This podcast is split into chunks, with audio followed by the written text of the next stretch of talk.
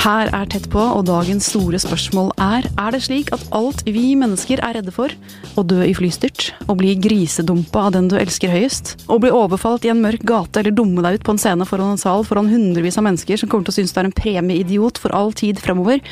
Kan alle sånne angster kokes ned og kategoriseres i fem grunnleggende frykter som alle mennesker har felles. Det skal vi se nærmere på i denne sendingen. Eh, og så skal vi også ta for oss den helt motsatte enden av skalaen. En skikkelig god angstdyper, nemlig tre typer av kjærlighet. Med meg i studio er Aslak Hartberg, eller Alice fra Klovner i kamp. Velkommen. Takk. Du ser jo ikke en dag eldre ut enn da vi gikk på Foss. Eh, du to år over meg på Musikklinja for veldig mange år siden. Det gjør meg skikkelig glad, må jeg si. Ja, eh, takk for det. Eh, tusen takk for det. Tiden har stått stille, vi endrer oss ikke. Veldig deilig. Eh, Vikram Kolmanskog, gestaltterapeut og aktuell med boka Den tomme stolen, en samling terapifortellinger. Du er også her.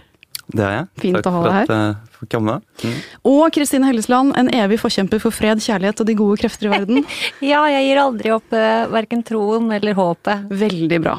Du, um, jeg tenkte jeg skulle ta med deg. Denne uka her så ble det tatt en CT-scan, altså et fancy type røntgenbilde, av en 2700 år gammel mumie. Eh, forteller Aftenposten. Eh, det ble gjort på et sykehus her i Oslo. Eh, og det dreier seg om den egyptiske kvinnen Dismutenibdes. Hun er Norges eldste mumie og kom hit i 1838. Eh, det var en greker som ga den til Universitetet i Oslo. Og nå er det som er igjen av kroppen hennes blitt gjennomlyst på alle mulige måter for å finne ut mer om hvordan folk levde for 2000 år, 2700 år siden. Kult. Ja, kult. Men hva, og hva, hva har de funnet i henne? Hva, vet vi? Nei, altså Tennene hennes tyder på at de tygde mange flere harde ting Mm, det- eh, det for nesten er 3000 år siden. ja. Det var sikkert litt mer sånn stein og harde korn, mm. der hvor vi er med på yoghurt. Um, og så vet de nå hvordan et tørket hjerte ser ut. Det syns jo disse forskerne er interessant. Men altså, grunnen til at jeg tar det opp, er at jeg begynte å tenke hvis jeg skulle bli undersøkt da, om nesten 3000 år av forskere som ville finne ut hvordan vi levde, sånn fra 1977 til 2070. Hva ville min kropp eller min grav ha fortalt dem? Ja. Eller, eller deg da, Kristine, for det er jeg som stiller spørsmål. Ja, ja. Skar hun mye tenner? Ja. syns sår på sjela? Ja. Eh, var hun lat? Litt for lat til å sprette opp og finne fjernkontrollen, kanskje? Ja, hadde hun mye muskler? Var tommelen helt sånn nedslitt av sånn swiping på telefon? Ikke sant? Ja. Men altså, hvis man kunne få gravd ned en liten hilsen til ettertiden, da. For det har man gjort. Altså, I eh, samme år som jeg ble født, da, i 77, så sendte man den romsonde Voyager 1 ut i solsystemet. Eh, den forlot vårt solsystem i 2013, eh, og inni der så har de lagt eh, hilsener til intelligente mennesker. Eh, eller ikke mennesker, men romvesener som måtte finne den da, fra oss på jorden. Det er bilder av folk og landskap og bygninger her på jorden, det er lydspor fra menneskespråk, det er lyder av kyss, det er hvalsang, det er Jimmy Carter som holder en tale, og så er det musikk. Bach og Mozart og Chuck Berry og i det hele tatt. Um, så hvis du kunne hatt med deg noe i graven Ja, ja hva skulle man eh, eh, Det som jo, jeg må bare si En ting som er litt morsomt, er jo det at vi veldig smarte mennesker har, Man har sittet i et rom i NASA og tenkt det gjør vi! Vi, vi sender det opp i verdensrommet. Hva er det fineste vi har, liksom? Ja, hva er det fineste vi har? Ja, Bare si eh, mest om oss mennesker. Mm, ja, det er det en veldig fin ting, ja. da. Jeg tror nok eh, jeg ville tydd til noen som kanskje sa noe om livet bedre enn jeg klarer selv. Mm. Um, ville sendt med alle sesongene av Six Feet Under. Ja. Min, en av mine absolutt favoritt-TV-serier. Mm. eh, Som jo også sier ganske mye om, eh, om livet mitt. og så ville jeg klamret meg fast til et lite laminert sitat av Nelson Mandela, som jeg til stadighet eh, eh, vender tilbake til. Um, May your choices reflect your hopes, not your fears. Og det er fint. Ja, og jeg bommer jo til stadighet, da, men eh, desto større grunn eh, til dobbel laminering. Nettopp. Du er mer fryktdrevet enn uh, Nei, jeg, tvert imot så tror jeg jo alltid på det gode i mennesket, selv om uh, jeg ender opp med å snuble. Eh, Aslak og Vikram, har dere noe å tilføye? Hvis dere skulle puttet noe ned i graven som ettertiden kunne gravd opp om 3000 år, hva skulle det vært? Ja, vi var jo litt inne på det i eh, en av de nye Klovner i kamp-låtene. Så skulle vi jo eh, lage en låt som heter Ja, vi elsker. Og da måtte jeg virkelig grave dypt for å finne ut eh, hva det er jeg elsker. Og da, Det ene verset mitt er jo da nærmest en sånn liste som rett og slett går sånn Jeg elsker kona, jeg elsker barna, jeg elsker bilen, huset og hagen. Jeg elsker sola når den står opp og sender strimer av lys over jorda. Elsker å gå hvor jeg vil. Elsker å si det jeg vil, mene, tenke og tro det jeg vil. Og til og med tro ingenting. Elsker lyden av høye murer som faller og brister i tusen knas når trykket fra tusener av mennesker øker og hjertene pumper i takt. Elsker lyden av frihet og lukten av håp.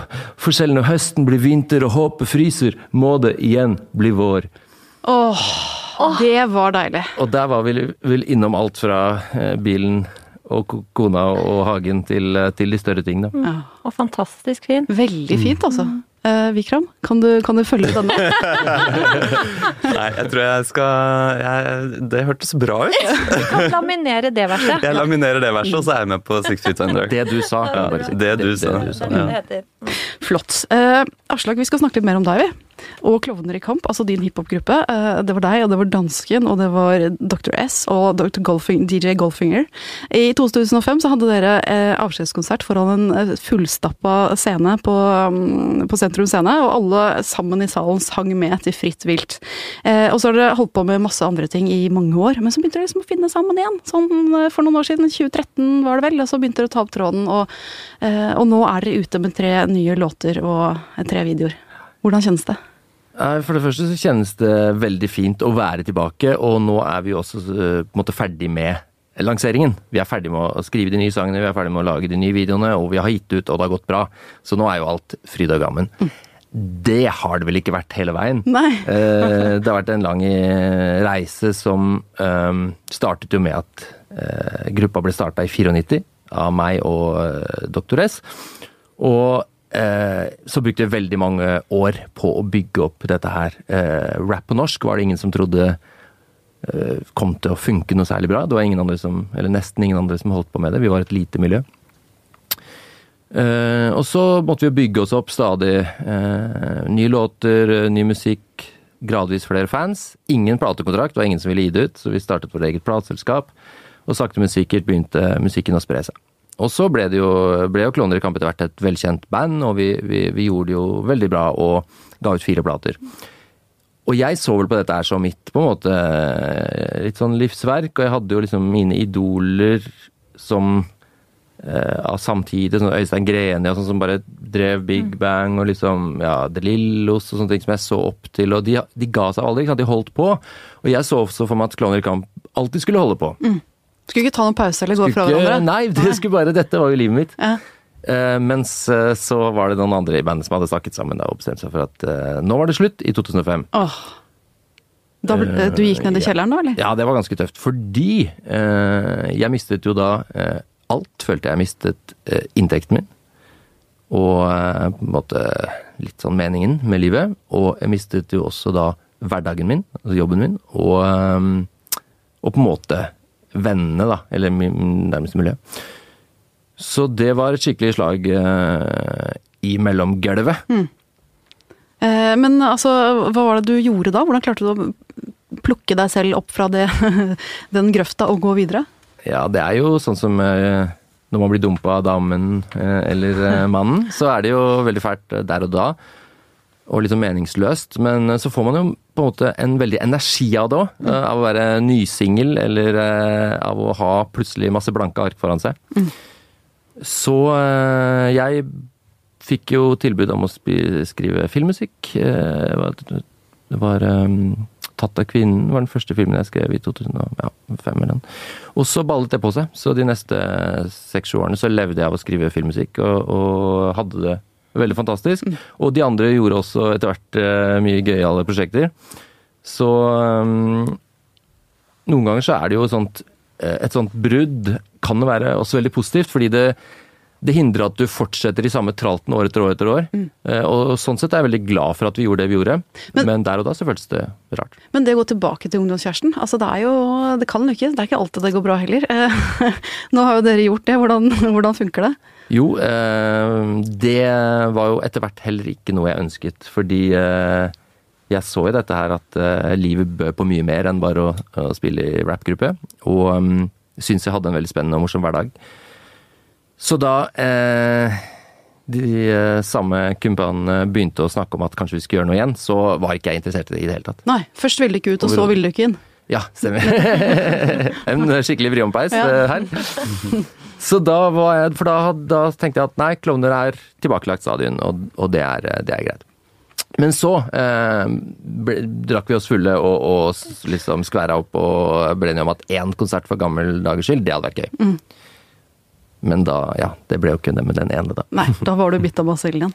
Eh, men nå er det altså kjærlighetstrilogien da, denne våren er. Hvorfor, hvorfor kjærligheten? Er det fordi at dere har fått dere damer og familier og blitt voksne menn siden sist, eller? Altså, At det skulle bli tre låter om kjærlighet, det var vel ikke noe vi så før etter vi hadde skrevet de. Å nei. Men um, vi er jo et band som har skrevet om mange forskjellige ting. Altså, vi har eh, Noen forbinder klovner med, med fest og, og moro og, og tull og tøys, ikke sant. Noen forbinder klovner med de eh, liksom aggressive og liksom, tøffe låtene, og noen forbinder klovner med de låtene hvor vi snakker om hvor stakkarslige vi er, eller hvor vondt vi har det, eller hvor vi åpner litt altså, I rap så er det så vanlig å skryte av seg sjøl, men vi har jo på en måte heller vist fram hvor, eh, hvor eh, gjennomsiktige og glassmanetaktige vi kan være. Så, så det er også en viktig del av klovner, syns jeg. Når vi tør å være så Du nevner jo Fritt vilt, det er jo en låt om, ja, om selvmordstanker og om depresjoner. Og vi har jo ganske mange av de. Så vi er en sånn eh, eklektisk eh, gryte som hvor, hvor, hvor det var litt vanskelig å ta opp tråden. Hva, vi, hva er klovner? Hva skal, vi skal, hva skal vi lage nå? Men den kjærlighetslåta da du måtte lage den lista over alt du elsker, det endte jo opp med å bli en, en antiterrorlåt? Ja, vi, eh, jeg hadde ideen om, en, om å skrive en låt som het Ja, vi elsker deg. Jeg syntes det var en morsom hook å liksom rappe den nasjonalsanghooken. Eh, og så skrev vi da, og så tente dansken på alle pluggene når han hørte den, for han tenkte at ja, vi elsker, ja, vi elsker, kjenner at det stiger frem. Da blir han kåt, vet du. Da begynner han å tenke på da, da, da, da er liksom Dette er elskovslåt. Og har- Dansken fikk ikke komme i studio for å utbrodere dette, ja, ja. men Og de har vi også ganske mange av i Klovner. Vi har skrevet fryktelig mye om, om, eh, om jenter og sex og, og sånn, og, og dette ble da en ny sånn låt.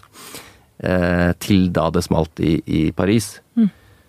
Og um, det var dagen etter vi kom hjem fra tur med Klovner i kamp, så, så skjedde det, og da ringte jeg til gutta og sa at vet du hva, vi må bare skrive om den sangen. Den må handle om noe annet.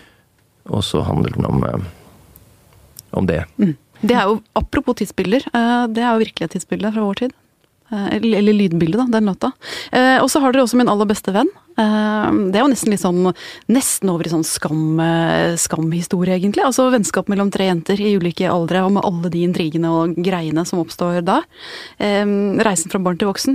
Jentedynamikken, hvorfor da er dere opptatt av den? Eh, ja, vi eh, Her er det på en måte to forskjellige ting. Det ene er jo eh, teksten i sangen. Og for meg så var det bare en tekst som handler om venner som har det vondt. Altså det å se en, en person du er veldig glad i, ikke ha det bra. Og det er noe jeg opplever synes jeg ganske ofte. Jeg syns mange av de liksom du, du har velfungerende, fantastiske kompiser som, som skrumper inn til en skygge av seg selv av, forskjellige årsaker. Det er veldig, veldig vondt å se, og det er jo sikkert noe alle opplever eh, iblant. Eh, så det var jo mitt utgangspunkt for å skrive sangen. Og så hadde vi jo da eh, en fantastisk videoskaper da, som tilførte hele dette elementet med, med de assosiasjonene hun fikk om, om da jenter og oppvekst. Og, Så det ble, det ble flere dimensjoner i sangen enn vi egentlig hadde skrevet. Men det for dere da å legge den eh, låta i, i hendene på Marie Løkkeberg og vente på hva hun skulle gjøre ut av den, eh, var det litt, eh, litt sånn nervepirrende også, eller? Ja, det er jo veldig uvanlig at en artist bare gir en videoregissør frie tøyler, men øh, hun ville ha det, og vi ville ha henne. Så vi sa ok, go. Og vi skulle ikke få se noe før videoen var ferdig. Men øh, par dager etterpå på Instagram så ser vi at hun har lagt ut en rekvisittliste over de tingene hun trenger i videoen. Og det var jo sånn eh, Sexleketøy, bind, blod, ecstasy-tabletter, eh, MDMA, eh, selvlysende kondomer. Altså, det var helt sånn Det var, det var en endeløs rekke av vanvittige gjenstander som eh, gjorde at vi ble veldig spent på hvordan denne videoen kom til å bli. Er det dette vi har skrevet? Er det dette vi har skrevet? Og, og, og, og eh, lettelsen var jo derfor stor da vi eh, så videoen og, eh, virkelig ble dypt rørt. Det var jo en fantastisk video. Kjempefin. Mm. Og kjærlighetslåt nummer tre, da? Ja, den er vel mer over i kategorien mann, kvinne og slike ting. Den heter jo MILF. Ja, nettopp. En hilsen til alle kvinner over 40. Hei til dere. og ikke meg! Å nei da! Den må du lenger bort med. Ja. Du var litt inne på glassmanetlivet her tidligere, Aslak. Glassmanetsiden av det å være menneske. Eh, Av dere klovner i Kampgutter og, og andre også. Eh, Jeg har jo alltid sett på deg som litt sånn tøffing, da. Du ser jo liksom veldig sånn tøff og vellykket ut, sånn på, på litt avstand. Det ser ut som du fikser ting. Og så kom jeg over den der nettsiden som heter Panikk, og tenkte jeg what? Hva er dette? Eh, fordi at bak den fasaden din, da, så er det andre ting som skjer. Ja, det er sikkert og visst. Der er det mye rart som skjer inni den kroppen her. Eh, For det første så hadde jeg jo da panikkangst eh, i en del år. Og det var utgangspunktet for min interesse for dette feltet, fordi at eh, jeg opplevde det som veldig, veldig vondt og veldig vanskelig, og jeg trodde jo rett og slett at jeg var mm, sprø. Jeg var på turné i Kina og hadde turnert veldig mye i hele verden. Og um, var veldig sliten og nedbrutt. Og så kom jeg til Shanghai. Jeg har uh, mad jetlag, er fyllesyk, sliten, demotivert. Og, og det er veldig masse folk på gaten som river og drar i meg hele tiden. Og Hvor er vi sånn i, i sånn. tid? 2003, kanskje. Og da smeller det plutselig på natta. Så, så våkner jeg og får full panikk. Og tenk, første jeg tenker er at nå blir jeg gæren. Og så var dette Det ga seg jo ikke da jeg kom hjem til Norge heller, eh, så det var en ganske kjip periode. Og skrev, da skrev jeg mange tekster om dette, her, eh, annet til Klovner i kamp. Og det var eh, ikke noe gøy. Men så var jeg heldig å komme i kontakt med en tilfeldig en ekspert på kognitiv terapi, da, en psykiater som heter Rolf Hessø, som eh, gjorde meg eh, frisk og snudde livet mitt på hodet igjen eh, på ett besøk.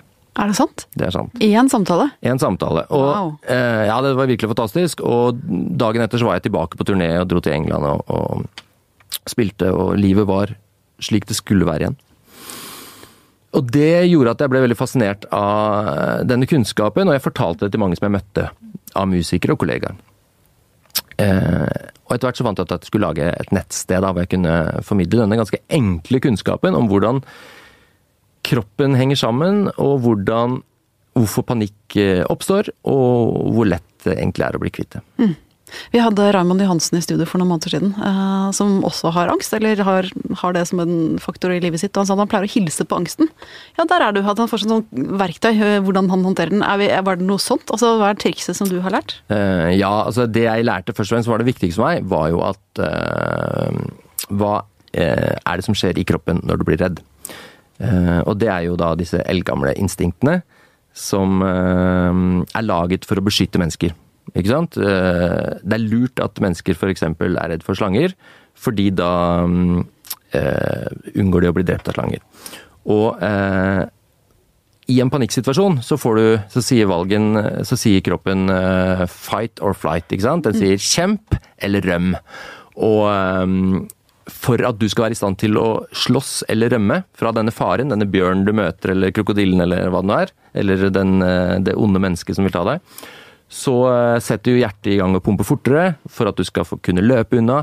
Du eh, blir fylt med endorfiner og adrenalin for at du skal være bedøvet hvis du blir flerret opp, f.eks., og kan fortsette å kjempe. Og du blir, får jo da adrenalin for å kunne bli sterk og kjempe. Og mange sånne ting som skjer. Og det er jo det samme som skjer når vi blir skremt. Ikke sant? Eh, Og da, men da tror vi da um, Sånn som da jeg sitter på et hotellrom i Kina og opplever at hjertet plutselig banker fortere, kroppen blir fylt av endorfiner, og jeg får sånn uvirkelighetsfølelse, og eh, blodet strømmer rundt i kroppen på rare måter, så er jo ikke jeg i fare. Ikke sant? Jeg er jo på et trygt hotellrom, men likevel så har jeg det forferdelig. Hva skyldes det? Og det visste jo ikke jeg da, men det vet jeg nå. Og da, Det er første skritt på, på, på å bli kvitt det. Og da blir, man da blir det plutselig ikke så skummelt lenger. Det blir veldig konkret, egentlig. Mm. Vi har jo, vi er så heldige at vi har en terapeut i rommet. Eh, Vikram, denne beskrivelsen av angsten, jeg så du nikka underveis. Eh, Stemmer den ganske bra, eller? Ja, jeg synes det, altså, jeg kjenner igjen veldig mye. Um, typisk eh, i forhold til panikkangst er jo nettopp den eh, opplevelsen av at å, jeg, jeg er gal. Eller jeg, til- jeg begynner å bli gal. Eller jeg dør. Det er jo to helt sånn klassiske opplevelser som gjør deg bare enda mer skremt ofte. Uh, mm. Så det blir på en måte fri, en sånn spiral, da. Frykten utløser frykt for mer frykt, og så Mm. har man det gående i en sånn runddans. Ja, nettopp. Ja. Ja. Men jeg sa jo, og jeg kan- gjenta det, Aslak for meg fremstår som en utrolig sånn vellykka bra fyr. Eh, og så har du mange den type liksom, tilsynelatende mestrende folk inne i ditt terapirom, som viser seg at de har den type prosesser gående? Mm. Ja, det er, altså, ja, absolutt. Det er alle mulige forskjellige mennesker som kommer til meg. Um, og sikkert mange man ikke ville gjettet at uh, slet med det de sliter med. Uh, jeg tenker at det er veldig positivt at vi opplever mer åpenhet rundt uh, forskjellige ting uh, i dag. Um, ja, for det er, jo, det er jo ikke uvanlig. Altså F.eks. panikkangst. Det er jo det er noen undersøkelser som sier at én av ti opplever en eller annen form for panikkangst en eller annen gang. Um, og noen vil jo faktisk også mene at dette her Vi kommer kanskje mer inn på det senere, men at det er noen uh, lidelser som vi også opplever mer i dag pga. tiden vi lever i.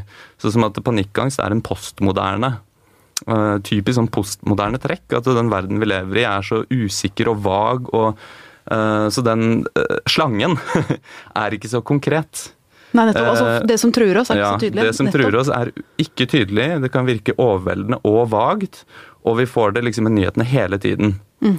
Og den følelsen der, det, det, det er det noen av mine kollegaer da, som mener at øh, kan henge sammen med panikkangst. At, at, vi, at det er mer av det i, i verden i dag, kanskje. Er det, er det mer sånn ilandsproblem enn ulandsproblem også? Altså hvis, du, hvis du bor i Syria, da, for eksempel, hvor det er konkrete farer rundt deg, har du da mindre av den eh, udefinerte angsten enn man har når ting er mer sånn eh, fjernt for oss, og vi bare ser det flere rundt på, på nye skjermer? Eh, jeg, kan ikke så mye om Syria og psykisk helse der, så jeg tror ikke jeg skal si noe om akkurat det. Men, eh, men jeg tenker i hvert fall at det vi Altså den konkrete formen på frykt, den varierer avhengig av tid og sted, tenker jeg. Samfunnet vi lever i, kulturen vi er i, um, hvilke trusler som finnes. Ja. Jeg leste jo da eh, en sak i Huffington Post, det var derfor jeg ba deg om å komme, Vikram. fordi at eh, det var en fyr som skrev om at eh, alt vi er redd for, alle de, hva det nå måtte være, kan puttes inn i fem eh, kategorier. Det er fem grunnleggende angster som alle mennesker har felles. Altså hva det nå var Aslak opplevde på hotellrommet, kan puttes inn i en av disse. Han heter eh, Carl Al Albrecht, og han var jo da fysiker og forfatter og ledertrener og jobbet i militær etterretning og sikkert kjent mye på frykt i livet sitt, da, sannsynligvis. Men de fem er altså frykten for å slutte å eksistere, dødsangst altså. Eh, frykten for alvorlig fysisk skade. Eh, da trekker han frem en sånn miste en kroppsdel, som den typiske der. Eh, frykten for tap av autonomi, at man ikke selv lenger kan bestemme over bevegelsene man gjør. Frykten for separasjon, altså bli støtt ut av gruppa og ikke tilhøre fellesskapet lenger. Og så den som jeg liker veldig godt, da. Egodød. altså dette er angsten for ydmykelse og tap av integritet og, og dyp og smertefull skam. De fem har vel liksom alle felles. Kjenner du deg igjen i det? Har han Albrecht, er han inne på noe? Eh, jeg tenker at eh, altså det, er, mange av de tingene jeg kjenner igjen, ja. Og så syns jeg også det er fascinerende å lage sånne kategorier.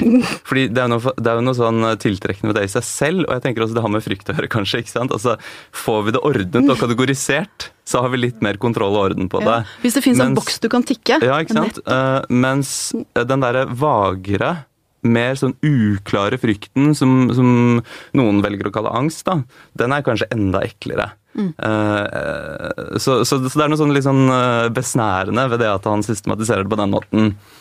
Og så minner det meg også litt om eh, altså Gestaltterapi bygger bl.a. på eksistensialisme.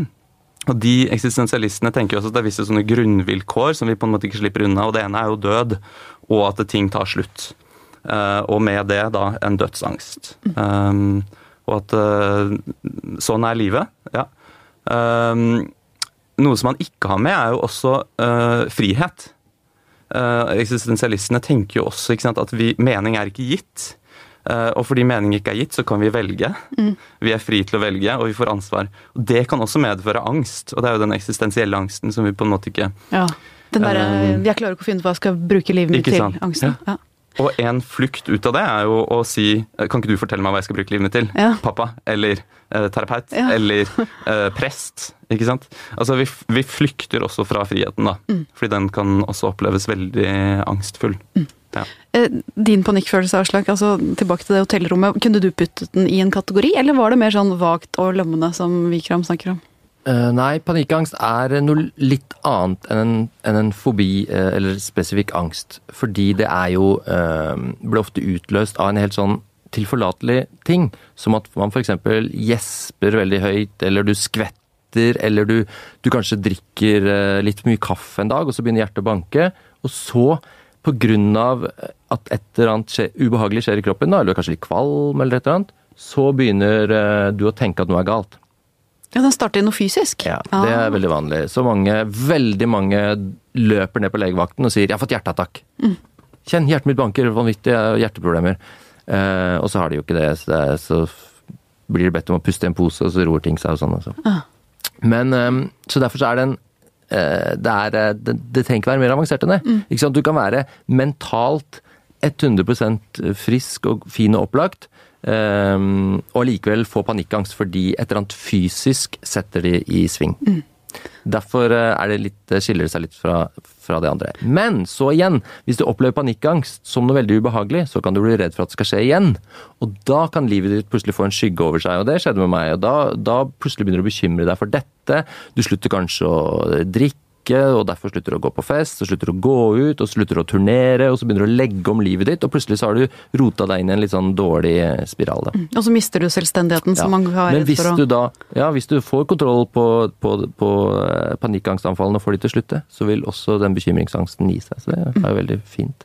Men du er jo sånn fyr som skriver om uh, ikke bare panikkangst, men disse andre følelsene også. Hvis du skulle valgt, altså Hvilken av disse fem tror du er uh, mest vanlig hos deg eller hos, uh, i vår tid? da? Tror du det Er liksom, er det dødsangsten som vi kan ligge og grunne på om natta? Er det alvorlig fysisk skade? Er det det å ikke Er det det å bli forlatt? Er det eh, den der forferdelige ydmykheten? Ja, jeg tror, jeg vet ikke, det er mange ting, men jeg tror nok eh, i disse tider med mye sosiale medier, så tror jeg nok den sosiale angsten for å bli utestengt fra det, fra det sosiale og fra fellesskapet er eh, i hvert fall veldig, veldig aktuell. Og um, den kan jo høres veldig ny ut, eh, fordi man snakker om sosiale medier, men det er også en veldig, veldig gammel eh, eh, gammel eh, ting som ligger i, helt i, i reptilhjernen. ikke sant? Det ligger i ryggmargen vår. Fordi som dyr, og som menneske senere, da, men som dyr så var det viktig for oss å være en del av flokken. Og derfor så er det, eh, er det viktig for oss å, um, å ha eh, et sterkt fellesskap. da. Så du overlever, rett og slett. Ja. Eh, Viker om en annen av disse angstene som jeg syns var gøy. Det er jo den der eh, frykten for tap av autonomi. Er det de der mennene som man sånn flosklete sier 'the man who couldn't commit'? Altså han som ikke tør å inngå i noe langvarig forhold, for da bare mister han seg selv fullstendig? Ja, kanskje du kan si det. Så tenker jeg at vi alltid eksisterer i relasjon. Så det er jo noe to parter gjør, da. Du mener kvinner også kan være sånn? Nei! Ja, eller at, eller at to menn eller to kvinner. Altså. Men at det er, det er jo gjerne en som um, løper etter, og en som løper vekk. Så, så hvis den personen slutter å løpe etter, så kanskje den personen ikke løper vekk heller. Ja. Hvis den personen slutter å løpe vekk, så kanskje ikke den andre løper etter heller. Altså Jeg tenker det er et samspill der, da.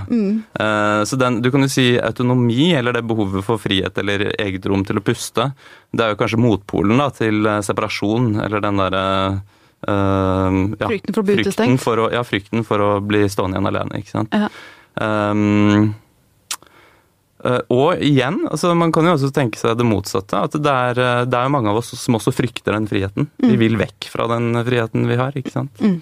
Så um, ja, jeg tenker det kommer i mange former. Jeg er jo sånn person som kan Jeg kan ikke få sove om natten, det er heldigvis ikke så ofte, da, men det skjer jo. Da kan jeg ligge og, og plukke frem sånne ting som skjedde på ungdomsskolen eller på videregående skole for veldig mange år siden, hvor jeg dreit meg skikkelig ut. Hvor jeg liksom sang surt i en mikrofon, eller hvor jeg snubla, eller hvor jeg sa noe helt sånn hinsides teit noen. Det kan liksom bølge over meg i sånne store, sånn skamfulle slag fortsatt. Da er det vel liksom egodøden, da, som jeg Der har vi meg. Eller Egodøden, ja. Ja. ja. Mm. frykten for ydmykelsen. Ja, ikke sant. Og, jeg tenker disse tingene henger sammen nå, fordi mm, skam, ydmykelse og de tingene kan også henge sammen med frykten for å bli utestengt, da, eller for å, for å bli avvist. Mm. Så den er lillesøsteren til avvisningen? Den kanskje, ja, kanskje det er det. Ja. Mm. Tenker Skam handler jo ofte om en opplevelse av at du er feil i forhold til noe, at det er noen normer du tenker at du har brutt. Ehm, ja.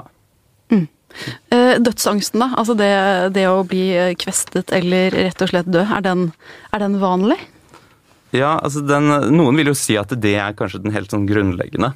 Um, den ideen om uh, ja, ja, dødsangsten og ønsket om å bevare seg selv i en eller annen stabil form. da. Ehm, at alt, alle disse andre angstene eller fryktene kan springe ut ifra den. Mhm. Um, og den tenker jeg er veldig vanlig. Du kan, man kan tenke på det mer sånn i symbolsk form òg. Altså en skilsmisse. Uh, da dør man på en måte som, som et uh, seg eller oss. Uh, mister man jobben, så, så, er det en liten død. Så, så, den opplevelsen av at ting tar slutt, den har vi jo flere ganger på forskjellige måter mm. gjennom hele livet. Og alt koker jo egentlig ned til hvorfor er vi på jorden, ikke sant? Hvorfor er mennesker og dyr og, og sånn på jorden? Det er for, for å overleve mm. og for å formere oss. Det er vår eneste oppgave. Alt annet er jo bare bonus, egentlig. eh, og, er, og, og, kroppene våre og, og tankemønstre og alt er jo eh, er jo eh, av evolusjonen blitt eh, til for å gjøre oss eh, i størst mulig grad eh, i stand til å overleve, ikke sant. Så det er klart at dødsangsten da vil være nummer uno. Mm. Ja, og man kan jo også, ikke sant, altså Carpe diem er det typiske eh, som svaret da, på, på, på, døden. Altså, men lev da i dag, grip dagen, ikke sant. Mm. Um, og dødsangst kan jo føre til, tenker jeg, veldig mye sånn eh, kreativitet den, den, den, ideen om at du vet at du en dag skal dø, kanskje du da eh, faktisk tør å skille deg litt ut. Uh, tør å liksom skape noe som er litt nytt. Altså ikke nødvendigvis et barn, men ikke sant uh, Spille fire-fem band? Ja.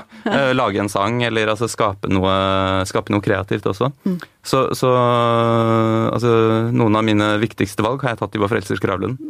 Er det sant? Hvor du har gått og kjent på at eh, du er et lite fnugg og mange sover under jorden, liksom? Og hit skal du en gang? Ja, eller vite at jeg skal dø. At eh, det er en god tanke. Altså, det er en god venn for meg.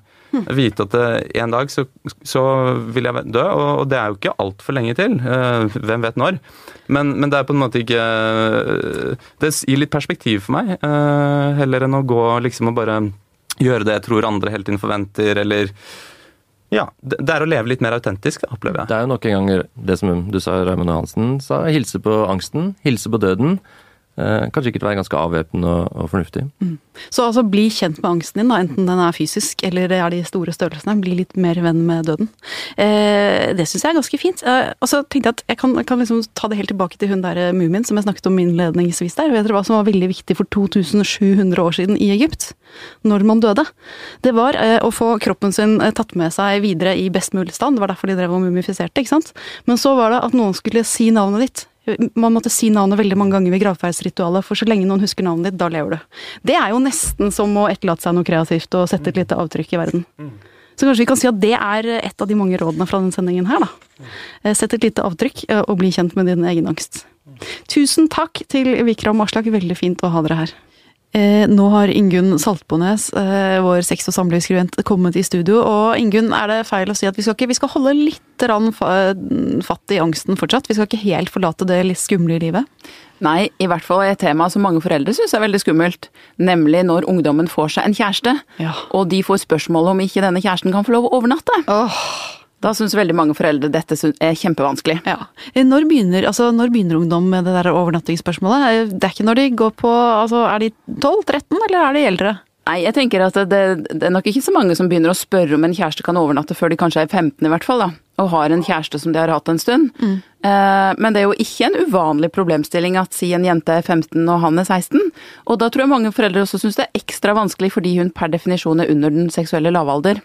Så jeg tror mange står der og ikke vet helt hvordan de skal håndtere det, og hva de skal gjøre og hva de skal si. Mm. Eh, Kristine, som foreldrerepresentant rundt bordet her nå, kommer du til å få angst den dagen ditt barn får seg kjæreste? Ja, det er, det er, jo en blanding av at de sier tiden går så fort, så det at han nå sitter og leker med Lego til at han skal komme med eh, en, en ettåring ja, en 15-åring. Eller like gammel. Eller like gammel.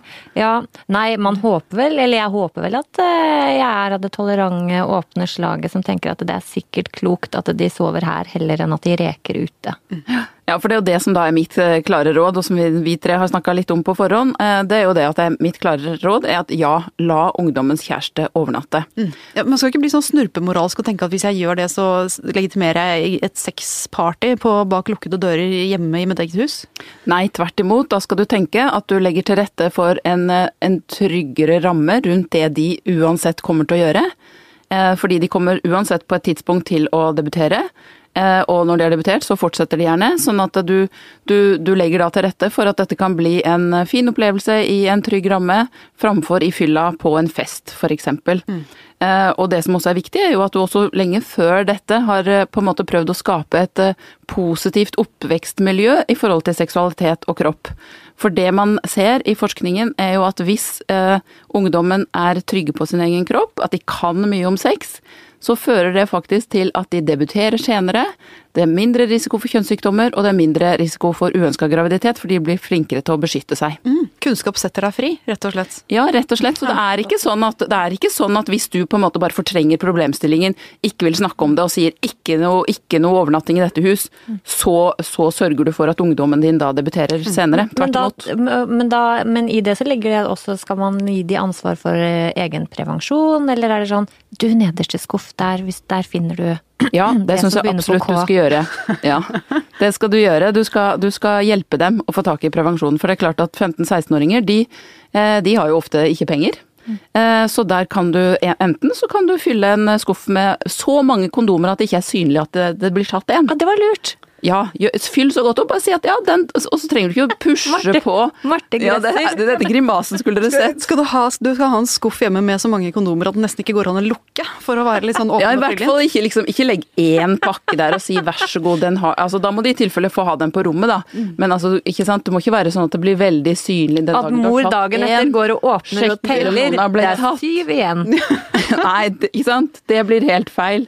Men at du på en måte bare sier at uh, hvis den, den, dagen du trenger det, her er det, bare å, er det bare å forsyne seg. Men heller ikke pushe på, selvfølgelig. Mm. Men den, den, dagen du trenger det. Og på samme måte også eh, la det være bøker om seksualitet og kropp tilgjengelig i huset, sånn at man kan slå opp når det er ting man lurer på, når man lurer på det. Mm. Um, og, og, og, selvfølgelig på en måte være åpen åpen for å snakke om det, åpen for spørsmål, uten å pushe på.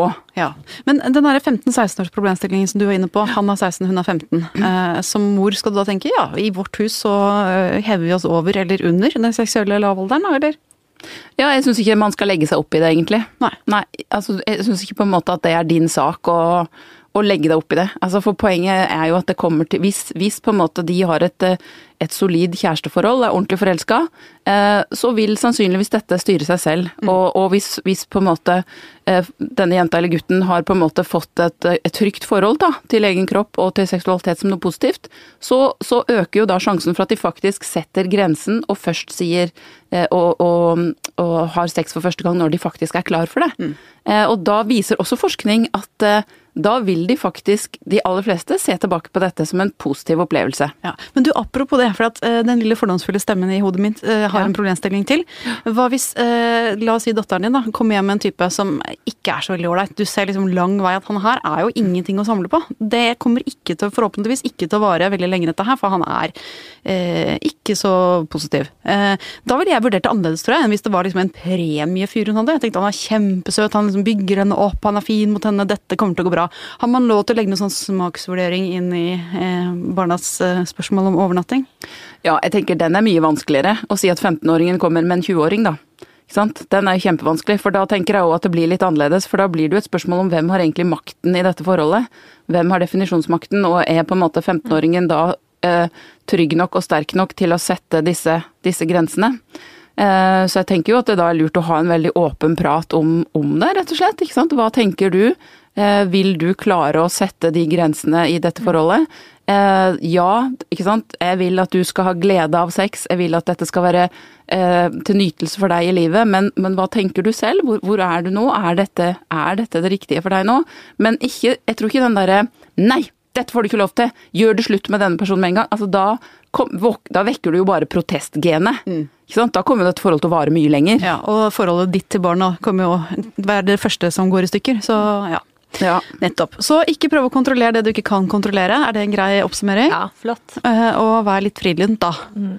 Ja. Også, og, og, og, og, ikke for frilynt, fordi du skal ikke liksom eh, dagen etter at du har pusha på ikke, altså For all del, du skal ikke pushe på, men altså at du, kjæresten har vært der, og du, du, liksom kanskje tror noe har skjedd, så skal du ikke liksom komme der og skjedde noe nå? Altså, det er jo superkleint. Eh, du må jo på en måte Hvordan gikk det i går, unger? Ja. ja, den skal du ikke ta. Nei, ikke ved frokosten. Nei, Nei, fordi at vi har jo en sånn Det er jo, det er jo to to, det er jo to menneskegrupper som ikke har sex, det vet dere sikkert. Ja, nå, jeg er et eh, åpent spørsmålstegn. Ja, nei, det er foreldrene våre, og det er barna våre. Ja, nettopp. Riktig. Ja. Så vi vil vi, vi ønsker jo tross alt ikke å få dette liksom for tett innpå. Nei. Så det er på en måte noe med at vi skal ha respekt for hverandres eh, privatliv. Åpen Men og tolerant. åpen, tolerant, legge til rette for trygg seksualitet, trygt forhold til egen kropp. Fordi det nettopp også da bidrar til at du eh, sier ja til det du skal, og nei til det du ikke skal. Ja. Vi putter det rådet også nedi den overfylte skuffen og dytter den nesten igjen. Tusen takk Ingunn Salpenes og til vår produsent Magne Antonsen.